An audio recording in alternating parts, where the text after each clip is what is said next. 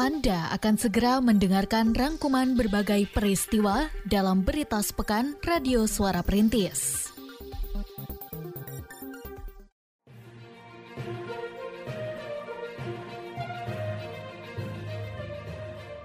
Berita sepekan Radio Suara Perintis FM Kota Sukabumi.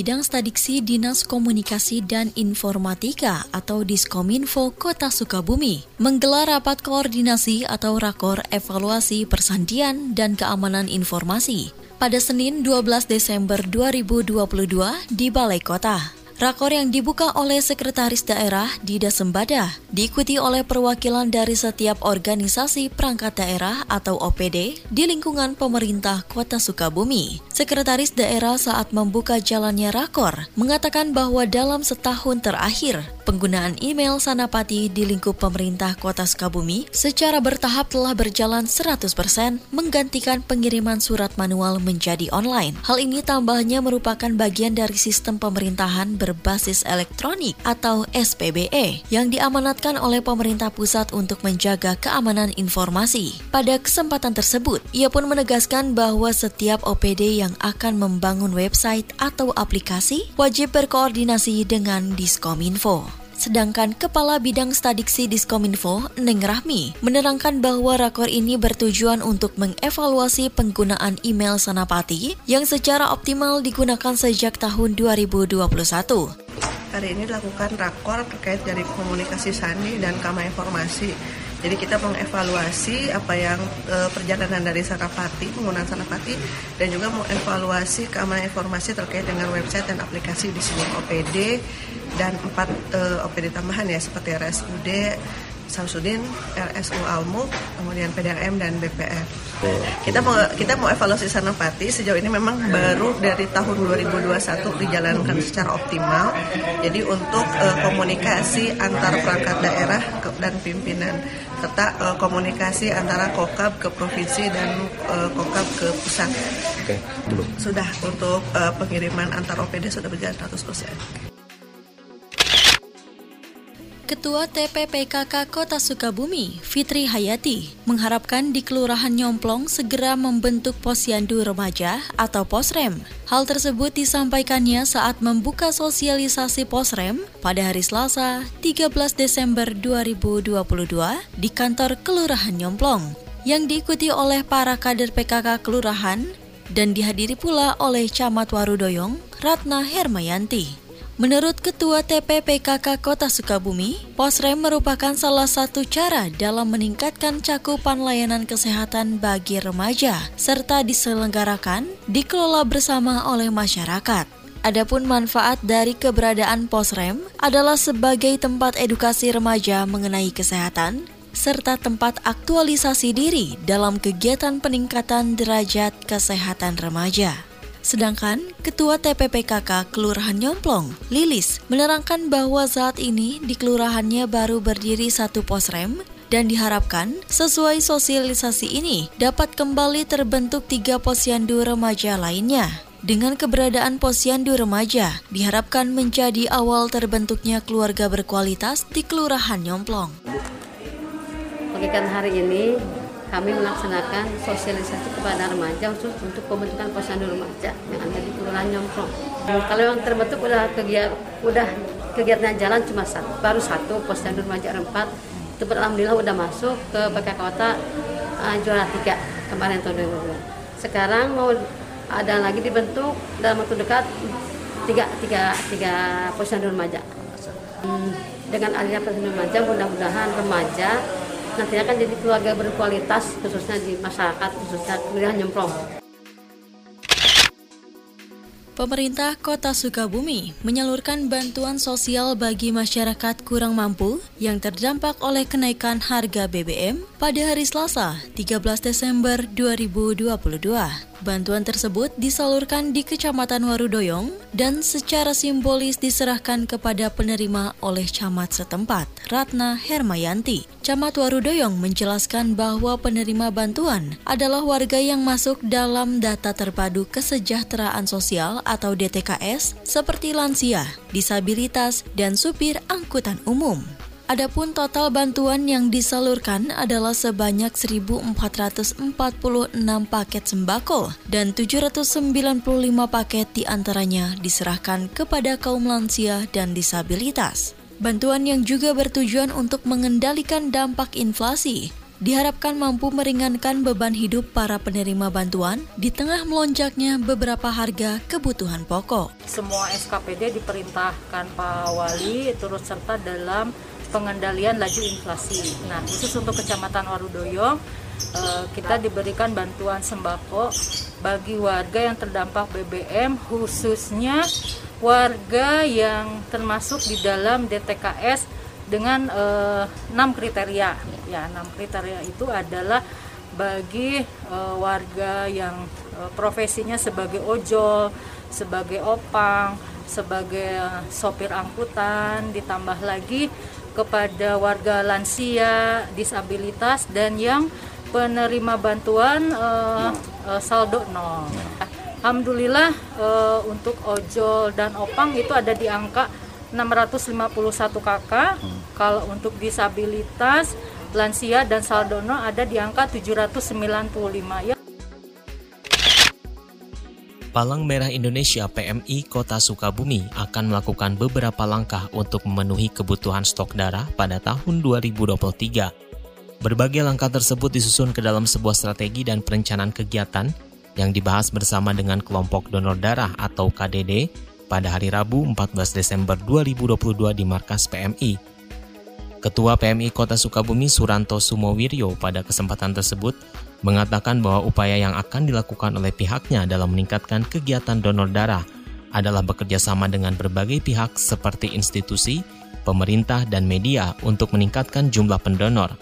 Mengadakan kegiatan donor darah di pusat keramaian di antaranya dengan memanfaatkan bis donor dan meningkatkan kerjasama jejaring UTD PMI untuk menjaga kestabilan stok darah. Sedangkan Wakil Ketua Unit Donor Darah PMI Taufik Hidayat ketika diwawancarai mengatakan kegiatan tahap pertama yang diikuti KDD dari lembaga pendidikan dan kecamatan tersebut diharapkan dapat memberikan gambaran bagi pihaknya mengenai langkah yang harus dilakukan tahun depan.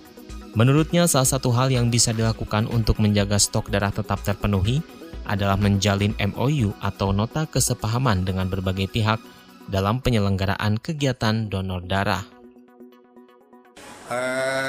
Kita sengaja mengumpulkan di dalam acara kegiatan uh, pertemuan KDD ini uh, guna untuk me, apa istilahnya kita me, mendapatkan gambaran untuk kegiatan-kegiatan donor darah di tahun 2023 dengan me, penandatanganan uh, MOU atau kerjasama baik itu dengan pihak sekolah ataupun pihak kecamatan ataupun nanti pihak-pihak yang lain yang nantinya bisa kita ambil suatu kesimpulan bahwa kegiatan untuk di tahun-tahun yang akan datang itu kita bisa mengambil eh, katakanlah jumlah pendonornya itu udah ada berapa seberapanya.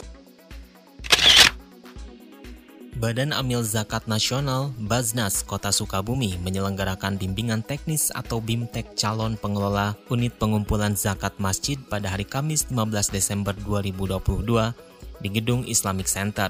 BIMTEK tersebut dibuka secara resmi oleh Wali Kota Ahmad Fahmi. Wali Kota kala membuka jalannya BIMTEK menerangkan bahwa ia mengharapkan para pengurus masjid melalui UPZ bisa berinovasi untuk menaikkan jumlah zakat yang terkumpul. Hal ini bisa dicapai dengan adanya personil UPZ yang memiliki kompetensi dan oleh karenanya BIMTEK yang dilakukan Baznas memiliki peranan penting untuk mewujudkan hal tersebut. UPZ berbasiskan masjid karena kita berharap pelayanan perzakatan yang berhubungan dengan e, masyarakat ini bisa semakin mudah diperoleh oleh masyarakat sehingga nanti pengelolaan zakat, infak, sedekah ini bisa berbasiskan masjid yang semuanya terkonsolidasikan dengan basnas. Mudah-mudahan ini mampu untuk semakin menguatkan berbagai potensi yang sekarang masih tercecer di masyarakat. Sementara Ketua Baznas Kota Sukabumi Miftah Amir mengatakan jumlah peserta pada BIMTEK kali ini adalah sebanyak 100 orang yang diberikan wawasan mengenai penghimpunan zakat, analisa hingga penyusunan laporan pertanggungjawaban. Ini salah satu program dari Baznas Kota Sukabumi di tahun kita ingin nanti di 2023 pengelolaan masyarakat tidak terpusat di basis kota tapi kita ingin terpusat di masjid. Kita untuk memenuhi itu kami melatih 100 masjid tahap pertama ini untuk dijadikan kajian binaan langsung. Jadi mereka diajarkan bagaimana cara menghimpun zakat dari masyarakat menganalisa kemudian bagaimana cara membuat pelaporan keuangan dan bagaimana juga cara mengelola pendaya gunaan penyaluran kepada para pesaing yang ada Dinas Pendidikan dan Kebudayaan Disdikbud Kota Sukabumi menggelar Pekan Kebudayaan Daerah selama dua hari dimulai pada hari Kamis 15 Desember 2022 bertempat di Gedung Seni Aher. Kegiatan yang dibuka secara resmi oleh Kepala Seksi Bidang Kebudayaan Disdikbud Barkah diikuti di antaranya oleh peserta didik dari berbagai sekolah dan komunitas kesenian. Kepala Seksi Bidang Kebudayaan Disdikbud Kota Sukabumi mengatakan bahwa Pekan Kebudayaan Daerah yang mengangkat tema Akar Sumading Bumi Pucuk Rengkuh Kalangit bertujuan untuk memberikan ruang interaksi bagi komunitas seni dan budaya serta para penggiatnya untuk menampilkan ragam seni dan budaya kearifan lokal. Rangkaian Pekan Kebudayaan Daerah telah dimulai sejak 26 November lalu. Bekerja sama dengan Sivitas Akademika IPB dan kegiatan lainnya yang akan dilaksanakan adalah tata kelola kesenian tradisional pada tanggal 19 hingga 23 Desember 2022. Tujuan khususnya menjalin silaturahmi di antara pelaku, pelaku seni yang ada di kota Sukabumi melalui uh, tampilan atau sajian uh, seni budaya yang ada di kota Sukabumi yaitu sajian kearifan lokal ya yang ada di ya, betul betul kearifan lokal. Kemudian melestarikan melestarikan seni-seni yang ada di kota Sukabumi serta memperkenalkan kepada uh, para halayak khususnya kaum milenial, para remaja yang mungkin juga harus kita perkenalkan kemudian juga menggali potensi-potensi berkesenian yang ada di Kota Sukabumi.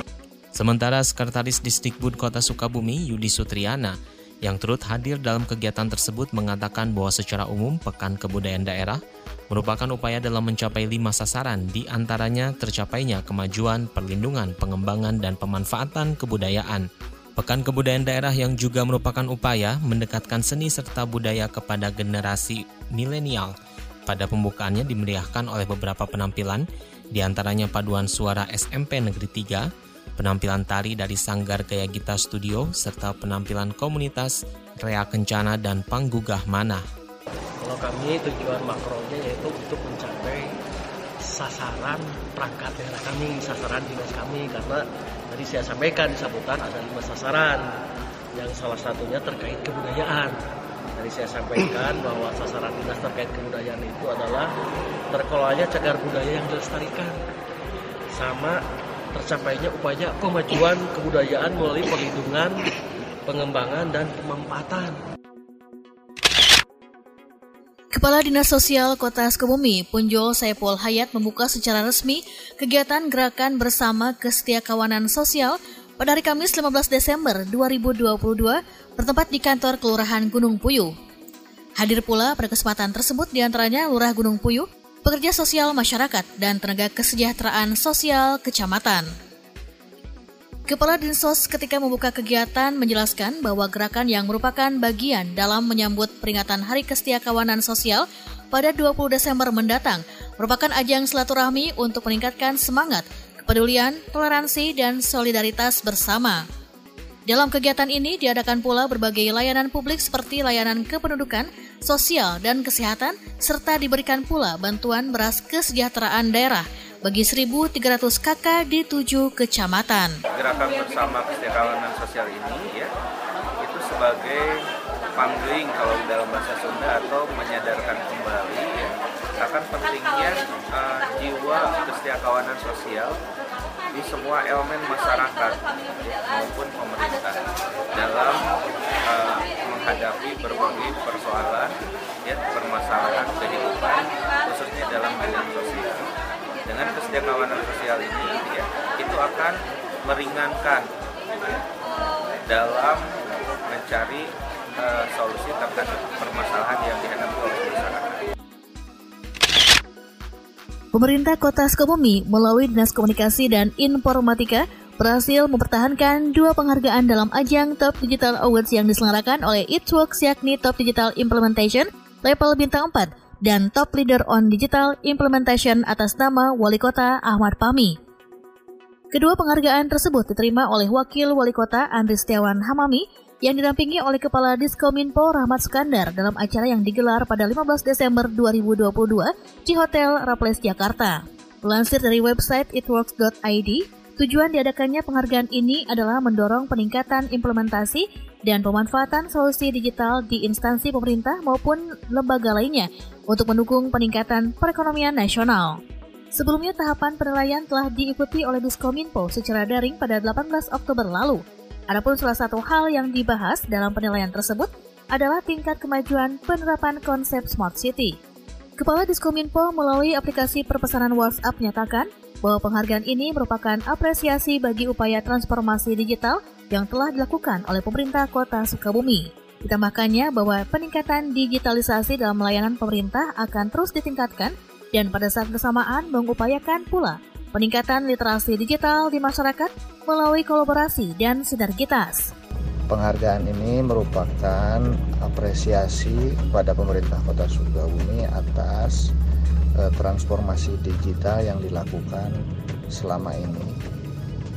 Insya Allah kita akan eh, meningkatkan terus bagaimana proses eh, digitalisasi ini eh, dapat memperlancar dan menyempurnakan eh, pelayanan-pelayanan kita kepada masyarakat. Pada saat yang bersamaan kita juga harus meningkatkan literasi digital masyarakat melalui kolaborasi dan sinergitas bersama seluruh stakeholder. Dalam upaya menurunkan angka stunting di Kecamatan Ciberem, pihak kecamatan bekerjasama dengan UPT Puskesmas Ciberem Hilir dan UPT Puskesmas Lemus Nunggal menggelar lokakarya pada hari Jumat 16 Desember 2022 bertempat di kantor kecamatan. PLT Camat Ciberem, Yanwar mengatakan bahwa pihaknya membuat sebuah gerakan yang dinamai Gunung Karang atau Gerakan Penurunan Stunting Mulai Dari Sekarang, yang di antaranya melibatkan para kader posyandu. Sebagai bagian dari gerakan tersebut, edukasi kepada masyarakat pun terus digalakan, salah satunya dengan memanfaatkan program dana kelurahan. Sejauh ini, menurutnya telah terdeteksi 61 kasus stunting di Kecamatan Ciberem. Tentang Bini Loka Karya, uh, Puskesmas Ciberem Hilir dan Lemus Nunggal. Jadi kita satukan di kecamatan itu untuk mempercepat penurunan stunting di Kecamatan Ciberem.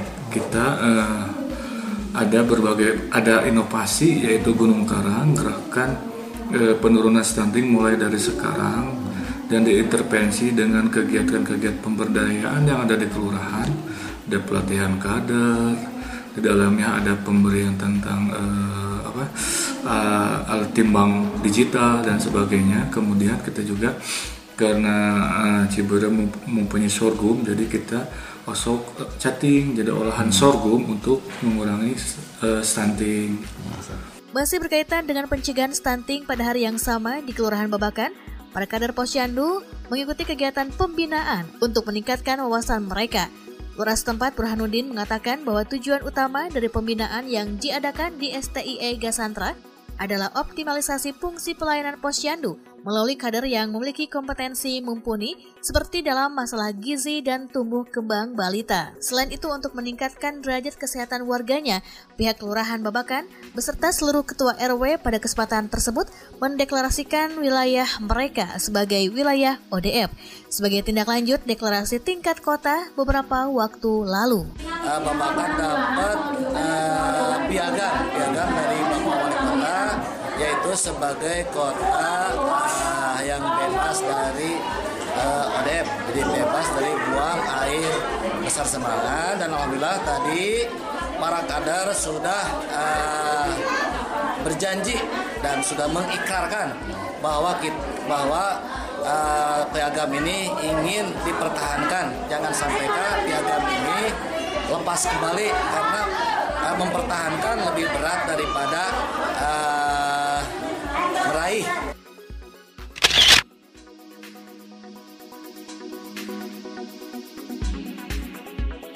Demikian berita sepekan Radio Suara Perintis edisi kali ini. Dengarkan program berita kami, berita seputar kota, yang disiarkan dari Senin malam hingga Minggu pagi pukul 18.30 dan 06.30 waktu Indonesia Barat.